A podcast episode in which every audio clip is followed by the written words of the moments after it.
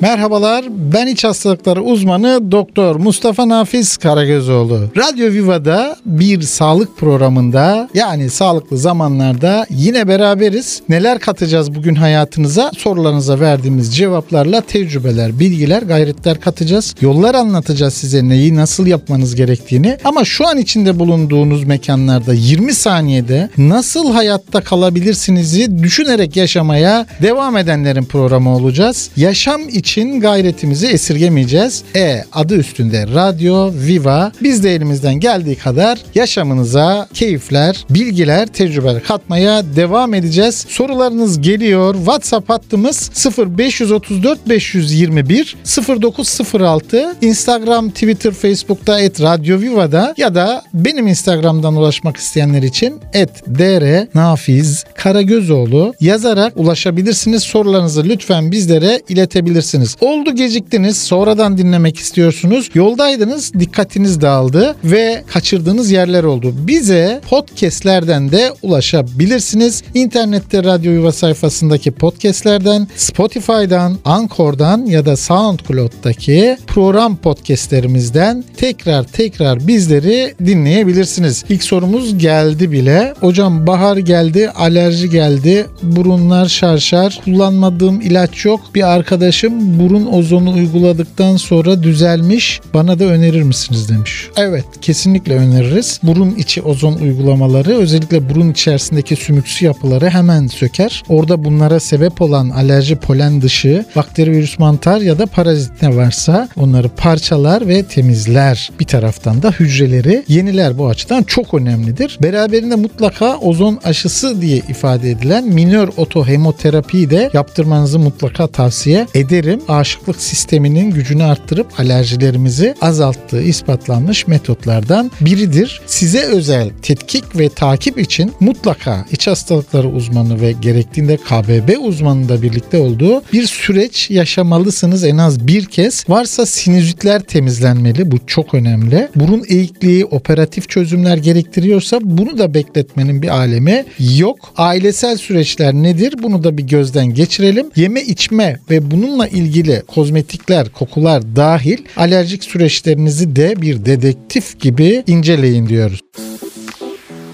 Evet bir gebemizin sorusuyla devam ediyoruz. 23 haftalık gebeyim hocam. Doktorum bir hafta sonra şeker yükleme testi istedi. Benim şekerim yok. Niye yapıyoruz? Yaptırmasak olmaz mı? Bazıları yaptırma diyor. İnternete baktım kafam karıştı. Evet kesinlikle kafanın karışmaması mümkün değil. İnternette bir sorunu çözmeye çalışırsak. Onun için internetten size tavsiyem sağlıkla ilgili şeyleri araştırın. Hastalıkla ilgili şeyleri araştırmayın. İnternete güven güvendiğiniz kadar doktorunuza mutlaka güvenin. Çünkü doktorlar bile var olan tecrübeleri ile internette bir şeyleri çözmeye kalktıklarında başları dertten kurtulmuyor. Haberiniz olsun. Şimdi bu test gebeliğin 24-28. haftalarında rutin olarak aslında yani düzenli herkese yaptırdığımız bir test, tavsiye ettiğimiz bir test. Burada sizin kan şekerinizin düzeni aslında kontrol ediliyor ve bebeğin gelişimiyle ilgili tespitler yapılıyor. Eğer eğer burada şeker düzensizliği yaşayan anne adaylarımız varsa yani kan şekerleri düşüyor ya da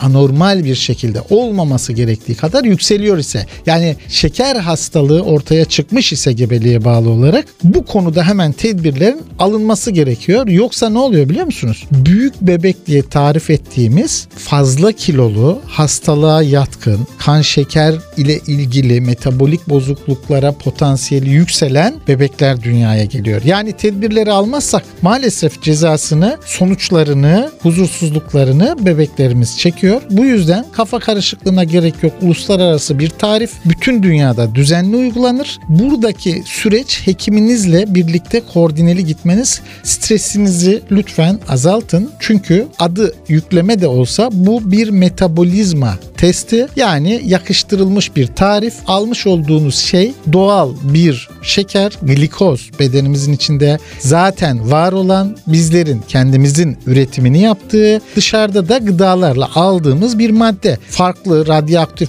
madde filan değil bu. Korkmaya gerek yok. Kan şeker seviyeniz sizi de gebelik sonrası açısından koruyan bir süreçtir. Mutlaka yaptırın diye tavsiye ediyorum. Doktor Nafiz'le Sağlıklı Zamanlar devam ediyor. Bir birliktelik sorusu bu. Askerden gelir gelmez evlendim. 3 aydır evliyiz. Eşim sık sık işi arıyor. Akşam çabuk gel diyor. İlişki istiyor. Bu iyi bir şey mi? Yani eşim hafif biri mi diye içimden huzursuz oluyorum. Yani işte bilmiyorum. Düşündükçe başım ağrıyor. Hocam siz ne diyorsunuz? Aslında çok özel bir soru bu. Güzel de bir soru. Neden? Çünkü çoğu kişi bunu paylaşmıyor, anlatmıyor. İçinde bazı huzursuzlukları yaşıyor, büyütüyor ve farklı huzursuz sonuçlar ortaya çıkıyor. Şimdi bakın eşler birbirleriyle bir kere rahat olmalı. Bu çok önemli. Size kendisiyle ilgili özel, sizinle birlikte olarak yaptığı bir faaliyetle ilgili, bir birliktelikle ilgili değil mi? Bilgisini de iletiyor, isteğini de iletiyor. Bu kötü bir şey mi? Hayır. Ne demek hafif kadın? Alakası var mı? Yok. Eşler arasında bu konuşulmayacak mı? Mutlaka konuşulacak. Konuşulmadığı zaman ne olacak? İşte eş olunacak mı? Oraya bir ünlem koyun. Bunu bir kaygı olarak tanımlamayın. Bunu bir normal, doğallık olarak tanımlayın. Sizle paylaşmayacak kimle paylaşacak? Ya da paylaşmasını istediğiniz başka biri var mı tavsiye edeceğiniz? Tabii ki değil mi? Hayır diyeceksiniz. Şimdi e, bahsettiğimiz şey şu. Cinsel ilişki sırasında eşler arasında huzur, uyum, güven varsa daha iyi yaşanan bir süreçtir cinsel ilişki. Tabii ki haz, hoşluk ve keyif içerir. Birlikte olan insanların birbirlerine karşı huzursuzlukları ve kaygıları direkt sürece etkiler ve en sık ortaya çıkan sorunlar bu nedenle yaşanır. Ee, siz de aynı şekilde var olan ilişkiye kuşkuyla bakarsanız kendinizce sosyal paketlemeler, ambalajlar, tarifler yaparsanız olumsuz etkilenecektir. Özellikle bu nedenle ortaya çıkan başarılarda tabii ki sürpriz olmaz ancak baş ağrısının başka sebepleri varsa bununla denk gelmişse ortalık karışır. Yani hipertansiyon, sinüzit, kan şeker düşmeleri, beyin hastalıkları, görme bozuklukları bununla ilgili sorunlarda baş ağrısı yapar. Boyun fıtıkları da dahildir buna. Bu nedenle baş ağrısı sırasında tansiyonunuzu ölçün, şekerinizi ölçün. Boyun hareketlerinizle artıp artmadığı, ne zaman başladığı tespitleriniz olsun. Eşinizle de bu konuda yeniden gözden geçirerek bir süreç planlayın diyoruz. En büyük sıkıntımız aslında kuşkularımız ve korkularımız hem bedenimizi hem sosyal hayatımızı hem ruhumuzu maalesef olumsuz etkiler. Onun için kuşkudan korkudan arınmış bir hayat diliyorum size. Doktor Nafiz'de sağlıklı zamanlar bir hacamat sorusuyla devam ediyor. Hocam yazın kuru hacamat yaptırmak istiyorum arkadaşlarım olmaz dedi. Kanlı hacamattan korkuyorum yaptırmamı önerir misiniz demiş. Hacamat kupa terapi ya da vakum terapi dediğimiz tedavi şekli uluslararası kadim tıp uygulamalarından bir tanesidir. Yaptırılabilen bedenler açısından yaptırılması önemlidir, sağlıklıdır, tavsiyemdir bir taraftan. Dolayısıyla yazında kuru hacamat yapılır. Kanlı hacamat ya da yaş hacamat tanımlamasında. Orada kanın da uzaklaştırılması, kanla beraber esas ağır metallerin bedenden uzaklaştırılması, bağışıklık sisteminin uyarılması da söz konusudur. Bunun için tekrar ediyorum 3000 yıldır yerine koyabileceğimiz daha bu konuda aktif bir tedavi yok. Ağır metaller bedenden uzaklaşırsa bağışıklık sistemimiz oldukça güçlenir. Aynı zamanda uygulama alanlarımız dermatom diye tarif ettiğimiz ya da akupunktur bölgesi diye tarif ettiğimiz bedenin iç organlarına sağlık uyaranları gönderdiği bölgelere yapıldığında içeride iç organ sağlığı da özellikle artar. Bu nedenle yaptırabilenler, bedenleriyle ilgili olumsuz şartları taşımayanlar doktor kontrolünde ve tabii ki Sağlık Bakanlığı'nın sertifikasyonları olan alanlarda ve doktorlara yaptırmasını tavsiye ediyoruz. Kuru hacamatta da ki uluslararası bir metottur yine bu. Dünya yüzme şampiyonu Phelps sırtında kuru hacamat izleriyle fotoğrafları ortaya çıktığında olimpiyatlarda kuru hacamat yaptırarak e, yarışmalara katıldığı anlaşıldığında aslında bilimsel bir metot olduğu da daha fazla kabul gördü. Onun için insanları artık kuru hacamat izleriyle görmek kanıksanan bir durum oldu. Bu nedenle bütün dünyanın yaptığı bir şeyi biz neden yaptırmıyor olalım diyoruz. Bu sağlıktan neden uzak kalalım? Kas lif dolaşımınız düzenlenecek. Bağışıklık sisteminiz daha etkin koruma sağlayacak ve birlikte yapılan özellikle lenf masajlarıyla o sağlık, mutluluk, neşe dolu hatıralarınızı üretmek için zinde bir bedeniniz olacak tavsiye ediyorum.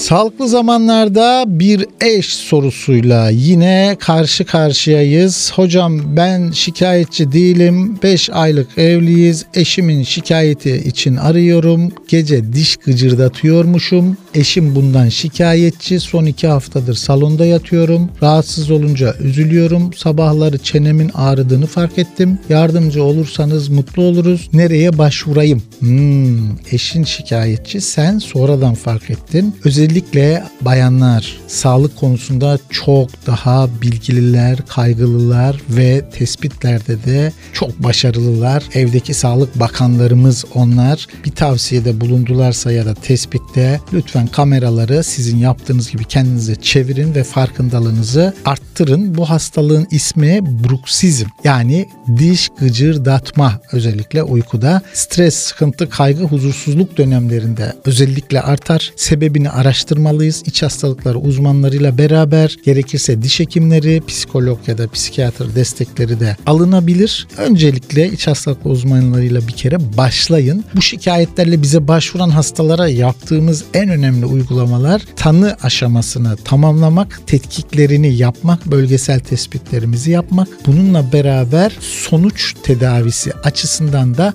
başta botoks olmak üzere masetter botoksu dediğimiz diş gıcırdatmasını sebep olan kasların gevşeterek uygulamalara başlamak ve takiplerini yapmak oluyor. Sizin de mutlaka bu süreci yönetirken bunlara dikkat etmenizi öneriyorum.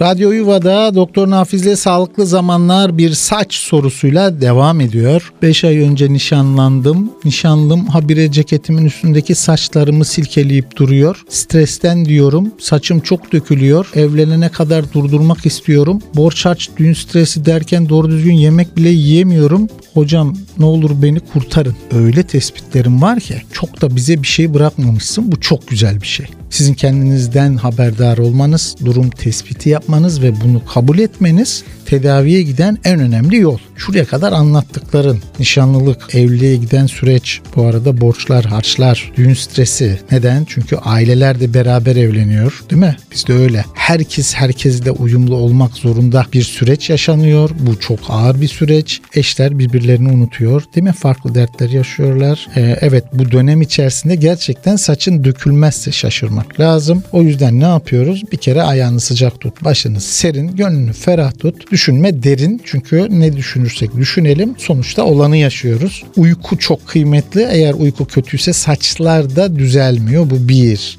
O yüzden güzel uyu. Beslenme mecbur. Özellikle düşük şekerler saç dökülmesini kolaylaştırır. Bir iç hastalıkları uzmanıyla başlaman tabii ki önemli. Çünkü orkestra şefi her zaman iç hastalıkları uzmanıdır. Bize başvuran hastalarımız da tabii ki ruhsal, sosyal ve bedensel düzenlemeler planlarız. Kanlar neler yaptırırız? Bize başvuran hastalarımızdaki ilk tavsiyelerimiz mesela tiroid testlerini görürüz. Tam kan sayımı yaptırırız. Saç dökülmesinde etkisi olan demir demir bağlama, demir deposu, CRP dediğimiz test, alerji testi, IgE, biyotin, D vitamini, B vitamini, çinko yani saçları ilgilendiren şeyleri tespit ederiz. Her şeyi strese de yormayız. Bu nedenle tahlilleri gördükten sonra tedavileri planlarız. Ağızdan ilaçlarımız olur, iğnelerimiz olur.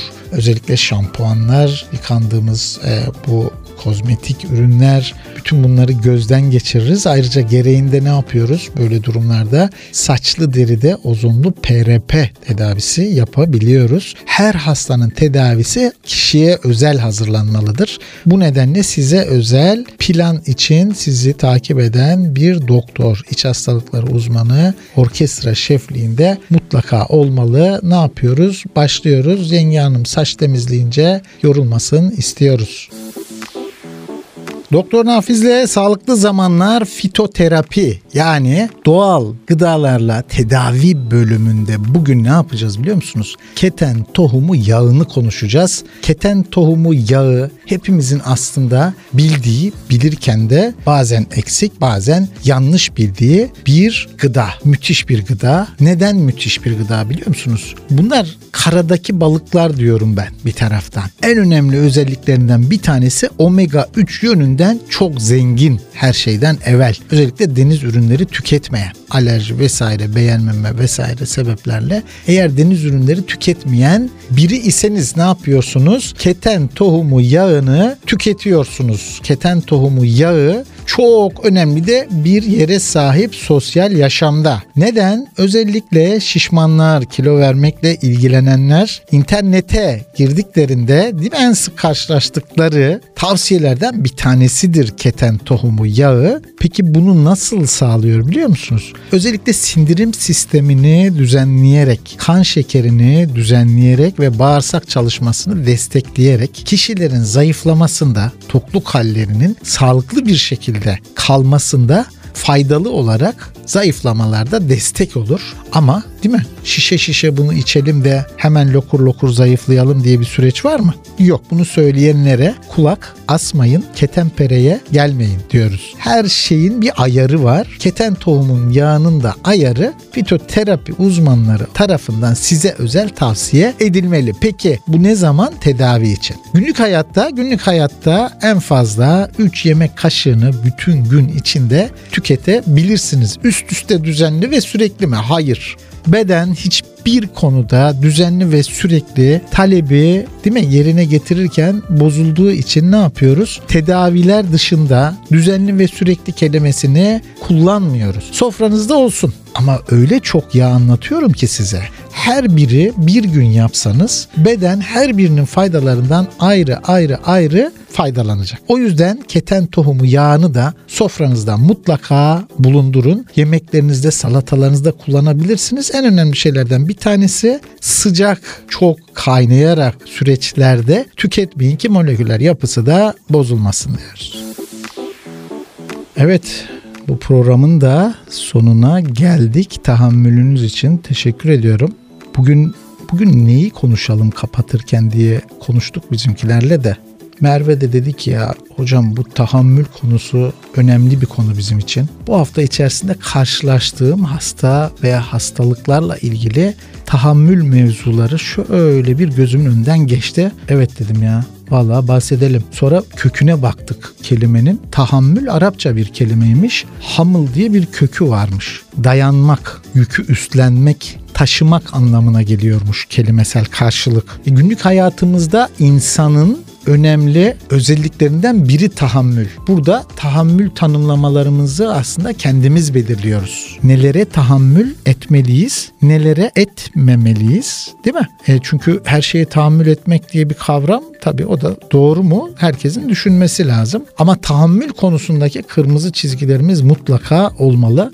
Onun için tahammül kelimesini düşünün derim bugün. Şöyle bir kendi kendinizle baş başa kalın.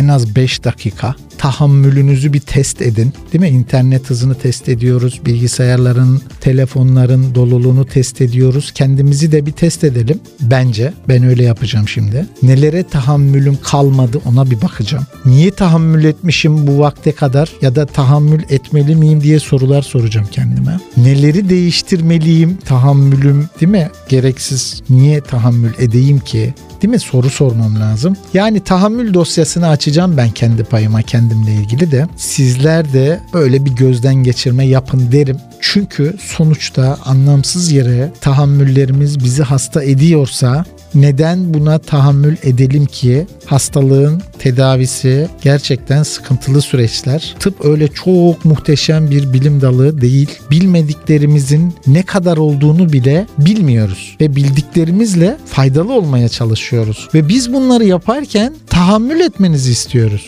Dolayısıyla yanlış tahammüllerimizi fazla tahammüllerimizi değil mi boşaltalım. Gerçekten ihtiyacımız olduğu zamanlarda kullanacak tahammül alanları açalım kendimize ve gerçekten tahammül etmemize değmeyen kişiler, olaylar, süreçler hayatımızdan çıksın. Ben böyle bir düşündüm. Siz de düşünün derim. Çünkü önce düşüneceğiz, sonra plan yapacağız, sonra uygulayacağız ve bunları bir kontrol edeceğiz. Bu döngü hayatımızın içinde sürekli olacak. Konular değişecek ama bu döngünün kendisi değişmeyecek. Her günümüz dünden güzel geçsin. Tahammül edecek şeylerimiz olmasın istiyoruz. Önümüzdeki haftaya kadar bensizliğe tahammül edin.